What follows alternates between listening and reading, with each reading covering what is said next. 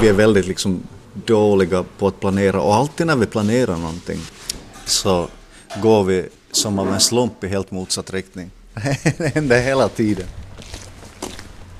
Jag har stämt träff med Patrik Wingren på Musikhuset som ligger alldeles vid torget i Jakobstad. Jag kom i kontakt med Patrik första gången för ganska många år sedan när han och några fotbollskompisar var med i radioprogrammet Gänget. Den här gången är jag nyfiken på Patrik Wingrens livsval och hur han överlag ser på livet.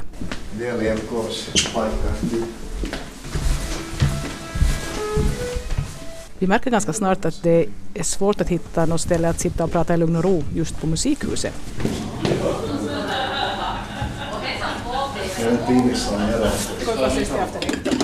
Men det är ingen panik eftersom Musikcafé After Eight ligger hemskt nära.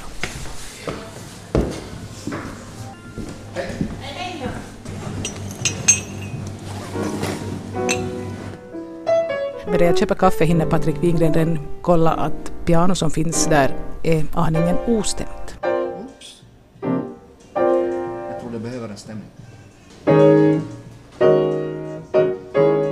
Visst hör du att det är falskt?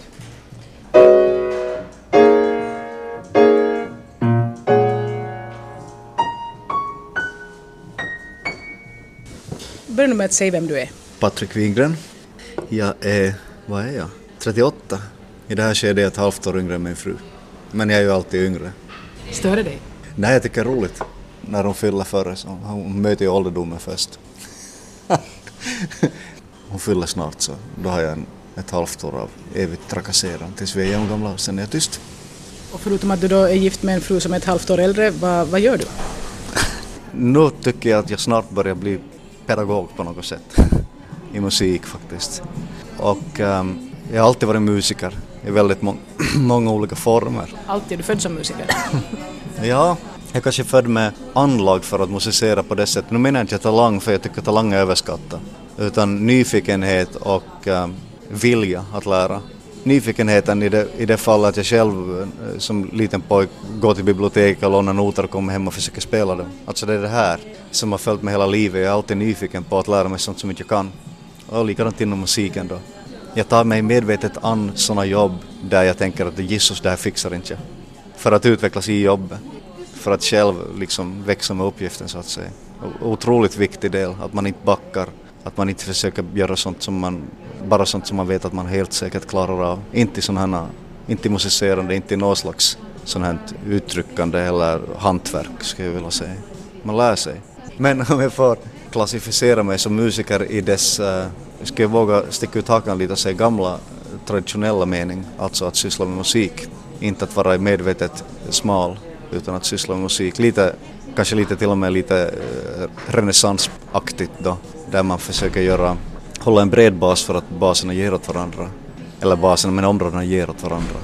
Så att äh, pianist, arrangör har jag varit hela mitt vuxna liv. Kompositör numera äh, försöker jag så gott jag kan och skriver ganska mycket.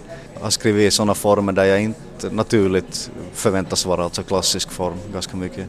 Och äh, i allmänhet utövande musiker, kördirigent har jag varit, dirigerat lite minimalt orkester och så vidare. Sådana saker som är intressanta att lära sig. För man är ju absolut inte klar när man kommer ut i skolan eller när man har gjort en sak inom musik. Det finns ju så otroligt mycket att göra. Men förutom musiker är Patrik Wingren också pedagog, som han sa. Jag jobbar på Musikhuset. Det är som min, mitt vanliga jobb om man säger så. Alltså vanlig i den bemärkelsen att jag gör det regelbundet och att jag är anställd. Det är mitt, eh, ska vi säga, mitt arbetsankare på något sätt. Jag är en sån ganska oregelbunden och ganska projektinriktad typ annars som har svårt att få rutiner. Så att jag behöver absolut både rutinerna och människorna. För att jag är också en sån som drar mig tillbaka annars. Blir ensam sittande och, och gör mitt jobb. Det här musikhuset i Jakobstad där Patrik Wingren undervisar. Så det finns flera olika linjer och olika nivåer. Så på vilken nivå är det som Patrik undervisar och i vad då? Jag är liksom på den här yrkeshögskolenivån, tredje stadiet. Fast anställd som lektor i vad det nu kan tänkas bli nu då. Alltså teoretiska ämnen, piano, dirigering skulle jag tro att det står i min, min, min anställning. Eh, på den här rytmsidan främst. Men dirigering då förstås lika mycket på klassiska som på, på rytm. Medan jag höll på att plocka fram mina inspelningsapparater så nämnde Patrik sådär i förbifarten att han också är utbildad ljudtekniker. Jag jobbar ganska mycket som ljudtekniker egentligen. Men inte på sista tiden. Jag åkte iväg med en god vän till mig till Sverige och, och studerade ljud ett år på en privatskola. Sen kom vi tillbaka och började spela in och började producera skivor och så vidare. Det var det jag gjorde under den första tiden när vi bodde i Helsingfors egentligen, 90 till 94. Då var egentligen huvudsak ljud. Just, så Patrik Wingren har också bott i Helsingfors. Jag ber honom berätta helt kort var han har bott, när och gjort vad. Jag är uppvuxen i Jakobstad, Larsmo. Jakobstad till sju års ålder och sen har jag växt upp i Lasmo sen dess. Skrev studenten 88 här i Jakobstad och sen iväg till Sverige, tillbaka inväntandes blivande fru Wingren som första året vi var tillsammans var jag i Sverige och hon var i Miami.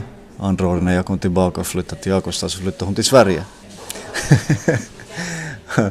och sen tyckte vi kanske det räckte och på ganska, ganska liten liksom tidsbaserad grund tillsammans eller gemenskap tillsammans så beslöt vi oss att vi kände varandra så pass bra så att vi gifte oss otroligt tidigt egentligen med dagens mått mätt, 21 års ålder.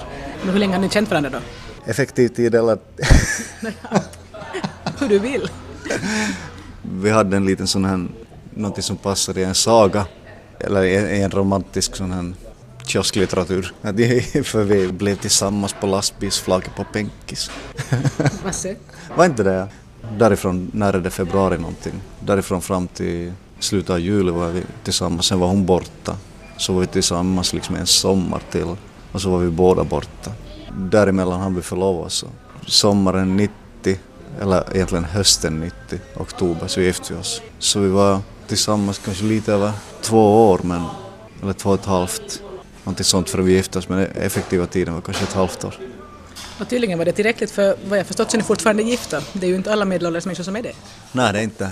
Vi funderar ju både i det här skedet när vi gifte oss och när vi började tänka på, på barn så konstaterade vi ganska tidigt att vi kommer aldrig att vara tillräckligt mogna hur som helst. så, så vi kör. Och efteråt så, så tycker jag om att det gick just så, att vi valde det just så för ser man bakåt på det så ska man aldrig våga, varken dera.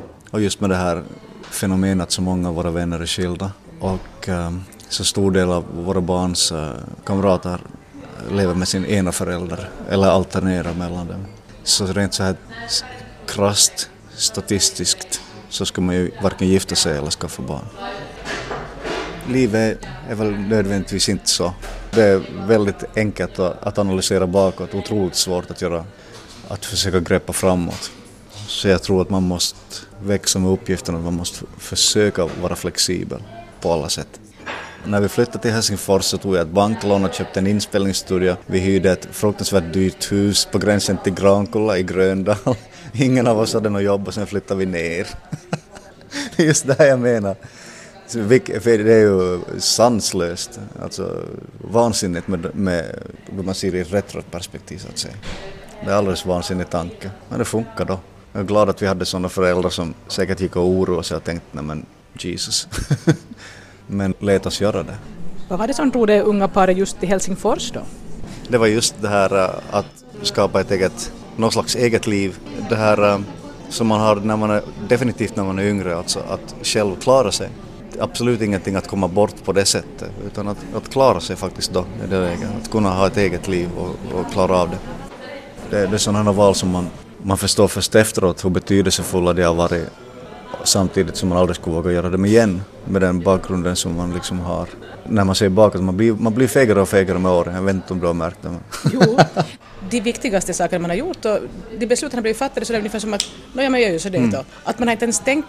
Intuitiva handlingar. Ja. Impulsiva ibland också. Men ska man veta då hur viktigt det kommer att vara så man säkert bli livrädd men man tänker nog inte på det, man bara gör. Det är tur. Det är tur. För annars ska man, som du säger, man ska ha så grym ribbskräck så man ska aldrig ge sig in i någonting sånt. Mm. Men ni hade, hade inte du varit, eller båda två hade ni säkert varit i New York också här emellan mellan Helsingfors och förrän ni kom tillbaka till Jakobstad? Ja, det, det var också en, en, en sån här konstig utveckling på det sättet att vi bodde i Helsingfors 90 till 94 och via det här mitt ljudarbete så kom jag in på YLE och äh, där var då en sån här live eh, äh, TV, café, boom eller vad man ska kalla det. Och när jag jobbade där så plötsligt så var jag där och spelade piano som ju var mitt liksom ursprungliga instrument som kapellmästare i det här, flera av de här produktionerna. Och när eh, jag en gång började spela där så märkte jag att jag kanske saknade, eller jag saknade spelande ganska mycket och framförallt saknade någon slags utveckling i det. Jag tror ju inte på att hålla på med någonting på samma nivå någon gång faktiskt. Och började fundera just på New York och studier, sökte in dit och så åkte vi iväg. Sådär bara. Och samtidigt så konstaterade vi, som av en händelse, att, att min fru då, Ia, var gravid. det är också den här planeringen då. Hur länge var ni där då? Vi var där fyra år. Vad var det för skola du gick? Manhattan School of Music heter den. En skola med en stark, stor klassisk linje och sen en uh, lite mindre men väldigt stark jazzlinje. Mycket känd skola. Och um, där var jag då i fyra år intensivt att studera. Vad vi då såg som ett litet sånt här problem rent praktiskt då vi kom över det faktum att vi inte kände någon att, att hormonerna spelade sina spratt där i, i havandeskapet och, och jag hade mina musikaliska starka tvivel som man ju får ofta när man börjar studera då igen, på mig själv och så vidare. Så vad vi såg som, vad vi såg som ett, en sak vi funderade på om vi skulle kunna fixa det här med, med barn så det visade sig vara det absolut bästa som kunde hända då. För att amerikanerna är ju lite knepiga med det här huruvida man får arbeta och studera just med green card och med studievisum. Så, eller visum. Uh, Ia skulle ändå ha valt att vara hemma med barnen de första åren. Så nu, nu fick hon en stark uppgift där under tiden då vi var där. Det var egentligen alldeles perfekt. Och när vi kom hem då så vände vi lite grann om hela idén för att, för att då började Ia studera. Då det här eh, uh, arbetade jag och uh, var en del av hushållet. Då fick hon möjlighet att studera efteråt så vi har gjort det liksom turvis på ett ganska bra sätt egentligen. Både, Men oplanerat förstås naturligtvis. mycket oplanerat. det var samma där också när vi kom tillbaka från New York så bodde vi bara här på sommaren och då skulle vi tillbaka till Helsingfors. Det var också en slump. Det hände saker här i musikhuset. Nya linjer skulle startas och, och, och via en sån här återvändarintervju i JT så såg någon den och sen tog de kontakt och sen hamnade jag dit i huset. Inte var det någon gång meningen. Så ni hade inte tänkt flytta till Jak tillbaka till Jakobstad just då? Absolut inte. Vi var väldigt starkt på väg till Helsingfors då. men, men det var ganska, jag tror att det var riktigt bra att komma hit till Jakobstad då. För att uh, kontrasten till New York var så vansinnigt stor. Ni hade aldrig tänkt stanna kvar där? Nej, inte egentligen för att uh, det är en hemskt fascinerande stad på många sätt. Och jag är hemskt glad över att vi har varit där men det, är inte, det var inte vårt hem på det sättet. Det är liksom uh, arv, kulturarv och den botten som vi har så rimmar lite dåligt med, med New York på det sättet. Jag tror det var bra att komma till en riktigt, riktigt liten miljö och se de uppenbara fördelarna med en liten stad. För att Helsingfors ska vara en mittemellanstad. Så nu efteråt är jag glad att vi gjorde precis så. Vi är väldigt liksom dåliga på att planera och alltid när vi planerar någonting så går vi som av en slump i helt motsatt riktning. Det händer hela tiden vi var på väg, eh, på väg att flytta till Stockholm här i ett skede 2003 och äh, sålde vår lägenhet, hade allting klart, packade ur lägenheten och sålde bort den och var liksom äh, lånfria. Kändes väldigt konstigt då, i det skedet. Vi hade, inga, vi hade i och för sig inte, inte några våldsamma inkomster heller men vi hade inga skulder. Och äh, vi skulle till Stockholm då, ja. Vi var alldeles på väg, vi hade kollat upp skolor för barnen, vi hade kollat upp allting egentligen. Och när vi orealistiska sådana praktiska människor som vi nog ändå är så var vi givetvis för sena med att flytta ut allting. Så vi drog ihop ett flyttalko med våra vänner för att få ut grejerna när nytt folk skulle in nästa dag. och vid det flyttalko fick vi så mycket hjälp och vi konstaterade att det här kommer att ta länge så vi, min fru Ia då, hon for till City Market och köpte kaffebröd och kaffe och sånt. Så kommer hon tillbaka därifrån och säger att vet du att hon säljer sitt hus nu.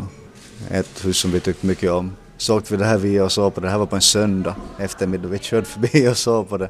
Så på måndag var vi dit in och så på tisdag kollade vi väl lite praktiskt och på onsdag så köpte vi det. det var en sån här grej vi bara måste bo där. Det är inte det hus som vi nu bor i utan det, det, det var ett av, de, ett av de äldsta husen på den, på den sidan vi sitter nu också, alltså på den här sidan som brann.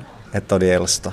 Och äh, dit skulle vi absolut, när vi kom in genom dörrarna där så skulle vi aldrig därifrån. Och två och ett halvt, tre år senare så flyttade vi igen då, givetvis. Det, det, det är liksom totalt, totalt riktningslöst på ett lite skojigt sätt. Du sa att du vill inte stanna på samma nivå. Har du kunnat fortsätta utvecklas på det sättet här också? Det är ju alltid svårt att säga. Jag tycker att jag har utvecklats på ett för mig intressant sätt efteråt. Jag tycker, jag tycker om vad som har hänt efter mina studier så att säga. Mina musikaliska arbeten har nästan uteslutande varit utanför Jakobstad. Och det här anser jag vara livsviktigt för mig personligen. Nu, särskilt om, om jag tar ett sådant ansvar att jag un, faktiskt försöker undervisa någon i musikhuset så tycker jag det är livsviktigt att, att jag samtidigt liksom låter vattnet flöda också liksom på andra ställen än i Jakobstad. Det vill bli lite, lite väl ingrott ibland. Jag säger inte att det är dåligt i sig, men jag tror att både jag och studerande mår bra av att de sammanhang där jag uttrycker mig själv musikaliskt är utanför huset. Så att inte man gör det här stora misstaget att vi tror att vi som lärare ska förverkliga oss själv musikaliskt inne i musikhuset. Senast jag hade dig i radio så var ni då ett gäng och det, då talade vi mest om fotboll, eh, frikyrklighet och eh, livets mening tror jag det var. det var en bra, bra kombination. Var desto, ja. Är fotbollen fortfarande en viktig sak för dig? Fotbollen är hemskt viktig, alltså man måste ju man måste ju stilla acceptera man är inte kanske alldeles vindsnabb längre och spelar mindre och mindre. Tyvärr så har det här legendariska Baggholms-gänget som du nu refererar till här, det ligger på is så att säga. Men fotbollsintresse är ju otroligt stort. Om jag kan så spelar jag själv och jag missar i princip aldrig en, till exempel en Jaromatch. Det tror jag inte har hänt. Jag brukar boka om konserter hellre än missa dem. det är sant. Jag har gjort det flera gånger. Fanatism i dess, dess vidaste bemärkelse. Men så är det, för det är också en, det är inte bara det, fotbollen, det är det sociala, sociala saker men det också. Läktaren är en häftig mötesplats. En av de få ställen där man otvunget sitter på samma ställe så pass många människor som egentligen inte har kontakt med varandra i vardagslivet sitter där kring ett gemensamt mål av något slag, att se sitt lag vinna. Hur ofta händer det? Inte så ofta de senaste åren. Men äh, det är inte alltid det heller att vara bäst eller att vinna utan det är ju det att jag ska inte säga att det här det gäller inte att vinna, det gäller att kämpa väl för det är inte sant. Det gäller definitivt att vinna i fotboll. Nog i ligan åtminstone. Men det här äh, men det är inte nödvändigtvis roligare att ha ett topplag än ett bottenlag eh, som sitt favoritlag många gånger så när man sitter med kniven på strupen på höstarna här och tittar på de sista matcherna och kollar hur det går för de andra lagen och ser om Jaro hänger kvar så det är en mycket stor seger när de hänger kvar. Och det här med frikyrklighet, jag var och tittade på din Facebook-sida här att du skrev där att du är uppvuxen inom baptismen men att nu så är du mera då, ja, hur var det du uttryckte det där? Kommer du ihåg det själv? Jo, jag tror jag skrev så här att jag var baptist uppvuxen men att idag det som gör dig complete. Och hur översätter man det på svenska? Det är inte... Hel? Hel är ordet ja, inte full och inte komplett. Hel är... Full kanske? Det, det som gör dig full. no, det är en teori. mm. Och vad menar du med det? Jo, jag tror att uh, jag hoppas åtminstone att jag själv blir ödmjukare och ödmjukare genom egna misstag och alltså trials and errors. Försök och misstag och uh, luckras upp tillräckligt för att inse att, att det vi greppar är någonting väldigt lite, alltså vi, vi, vi ser väldigt lite av, av någon slags sanning. Om vi ser det så är det mer som lite nåd inblandad eller någon slags välsignelse. Och uh, om vi vet det så kanske inte vi ska vara så väldigt, väldigt, väldigt snabba med att kasta ut bibelcitat i JT debattforum eller otvetydigt ska säga, förbanna eh, folks moraliska val på på en ganska rationell och fundamentalistisk tolkning av Bibeln. Det är jag väldigt trött på. Anser du dig fortfarande vara liksom troende? Jo visst, det är jag. Absolut. Finns det någon namn på den sortens troende som du är? Om man får kalla sig kristen, jo, då är jag nog det. Varför ska man inte få? No, om det ingår någon slags uh, prestationspaket för att vara en riktig sån så det är jag knappast. Tyvärr. Men jo visst, det hör så pass mycket till det här tron och vår protestantiska tro. Det hör så pass mycket till som på något sätt är egentligen som förutsätts av en troende kristen men som absolut är perifert. Det är sådana här kringfaktorer. Som till exempel hur man beter sig socialt, vad som är okej och vad som inte är okej att göra om man är troende. Sådana grejer. Allting från språk till vilken miljö man rör sig i, vem man har att göra med. Jag tror ju personligen att, att, att vi kanske tänker lite för lite på evangel evangelierna i det här fallet och ser hur Jesus, Jesu egen kritik faller ut mot fariseerna för vi, vi är nog så fruktansvärt snabba att vara så, så kallade fariseer. Som med det menar du? rätt, rätt troende, rätt lärda och praktiserande sådana, alltså duktiga. Ja, som fördömer andra och menar att de själva har hittat sanningen. Ja, det där fördöm, fördömandet av andra blir väl en, en slags reaktion i och, med att, i och med att du själv tror att du gör rätt.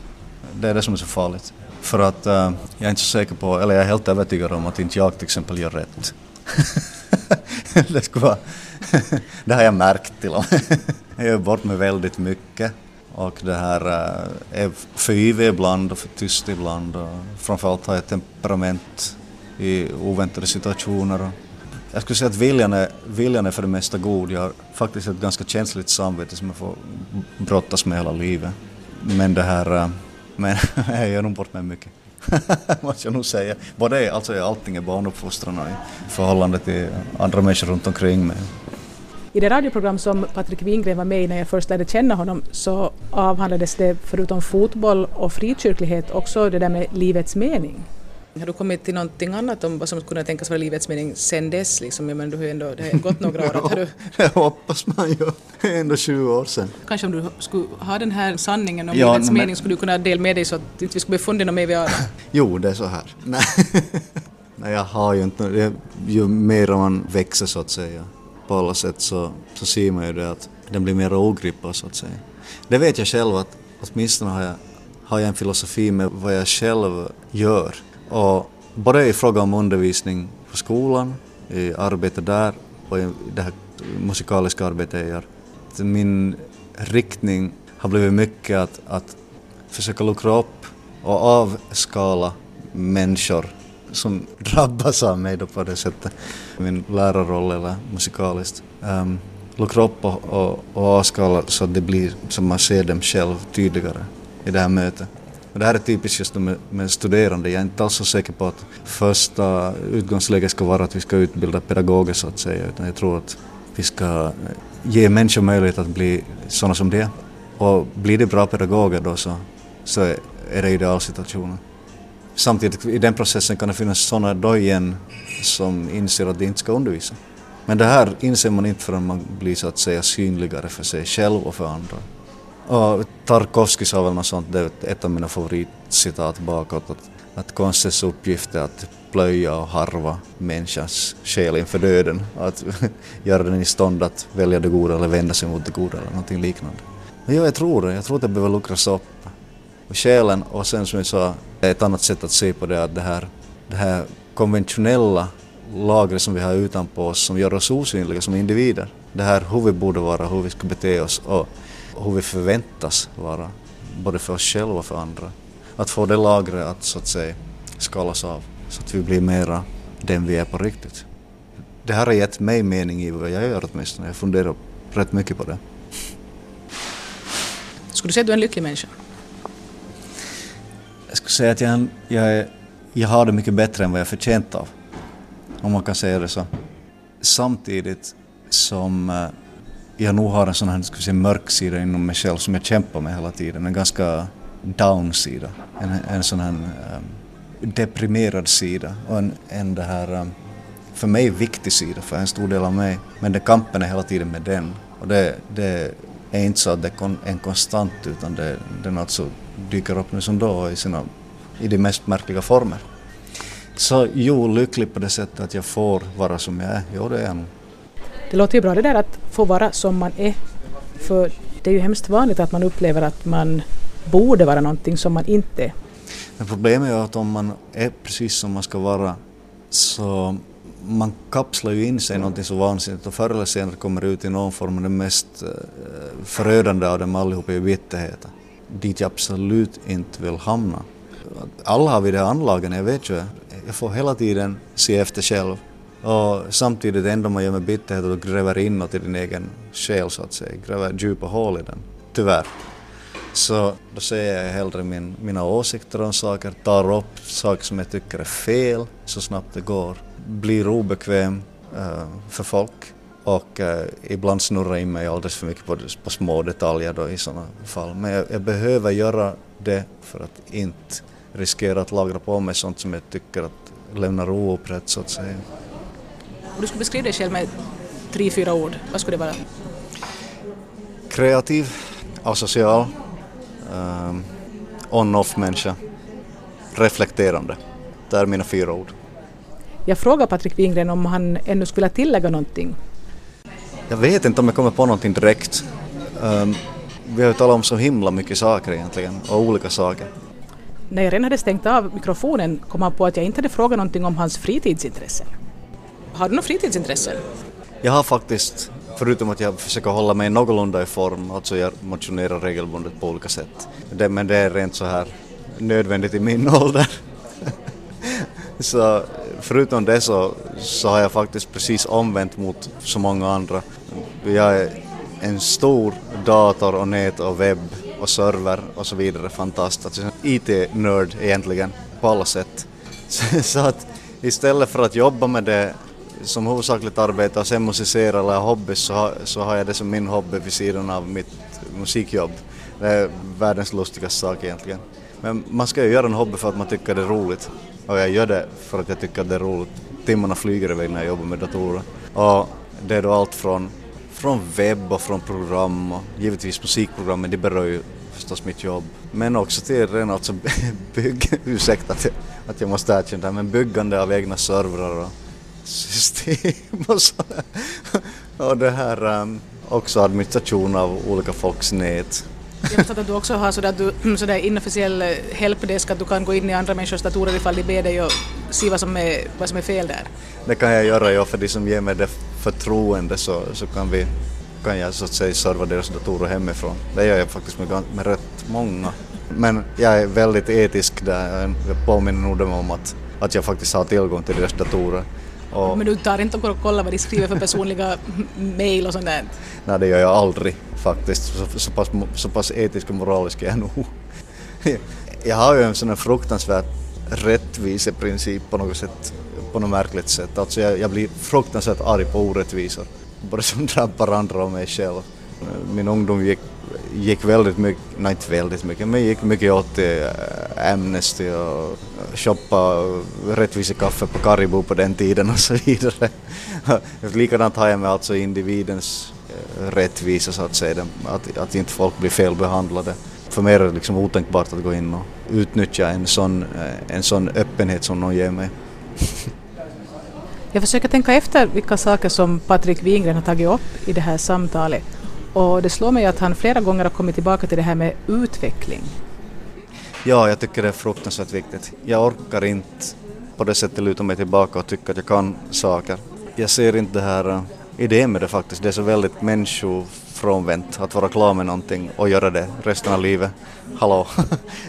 Men jag minns inte vilken bok av Dostojevskij där han, där han frågar sig, eller frågar en av sina långa fina utläggningar där någon av hans personer frågar när tror ni att byggarna är som lyckligast? Tror ni att den här huset är färdigt? Nej, det är en eller två dagar före när man ser att det blir färdigt, att det är på väg och att man, är, man har övervunnit de största problemen. Där är man som lyckligast. Sen börjar man på nästa hus. Så gör du också? Så gör jag alltid. Mitt problem är då att jag kanske börjar bygga på en massa saker ibland och sen så blir jag trött på hela huset. och läm lämnar det halvbyggt så att säga får hit och print någonting. Tack. Jag tackar. Hej då.